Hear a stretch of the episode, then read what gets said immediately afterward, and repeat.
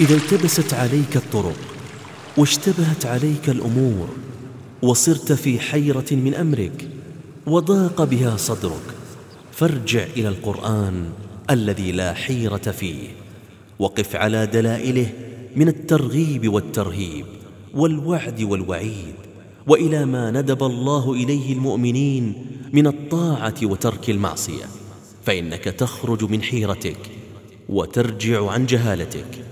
وتأنس بعد وحشتك وتقوى بعد ضعفك. نصر بن يحيى ابن أبي كثير رحمه الله.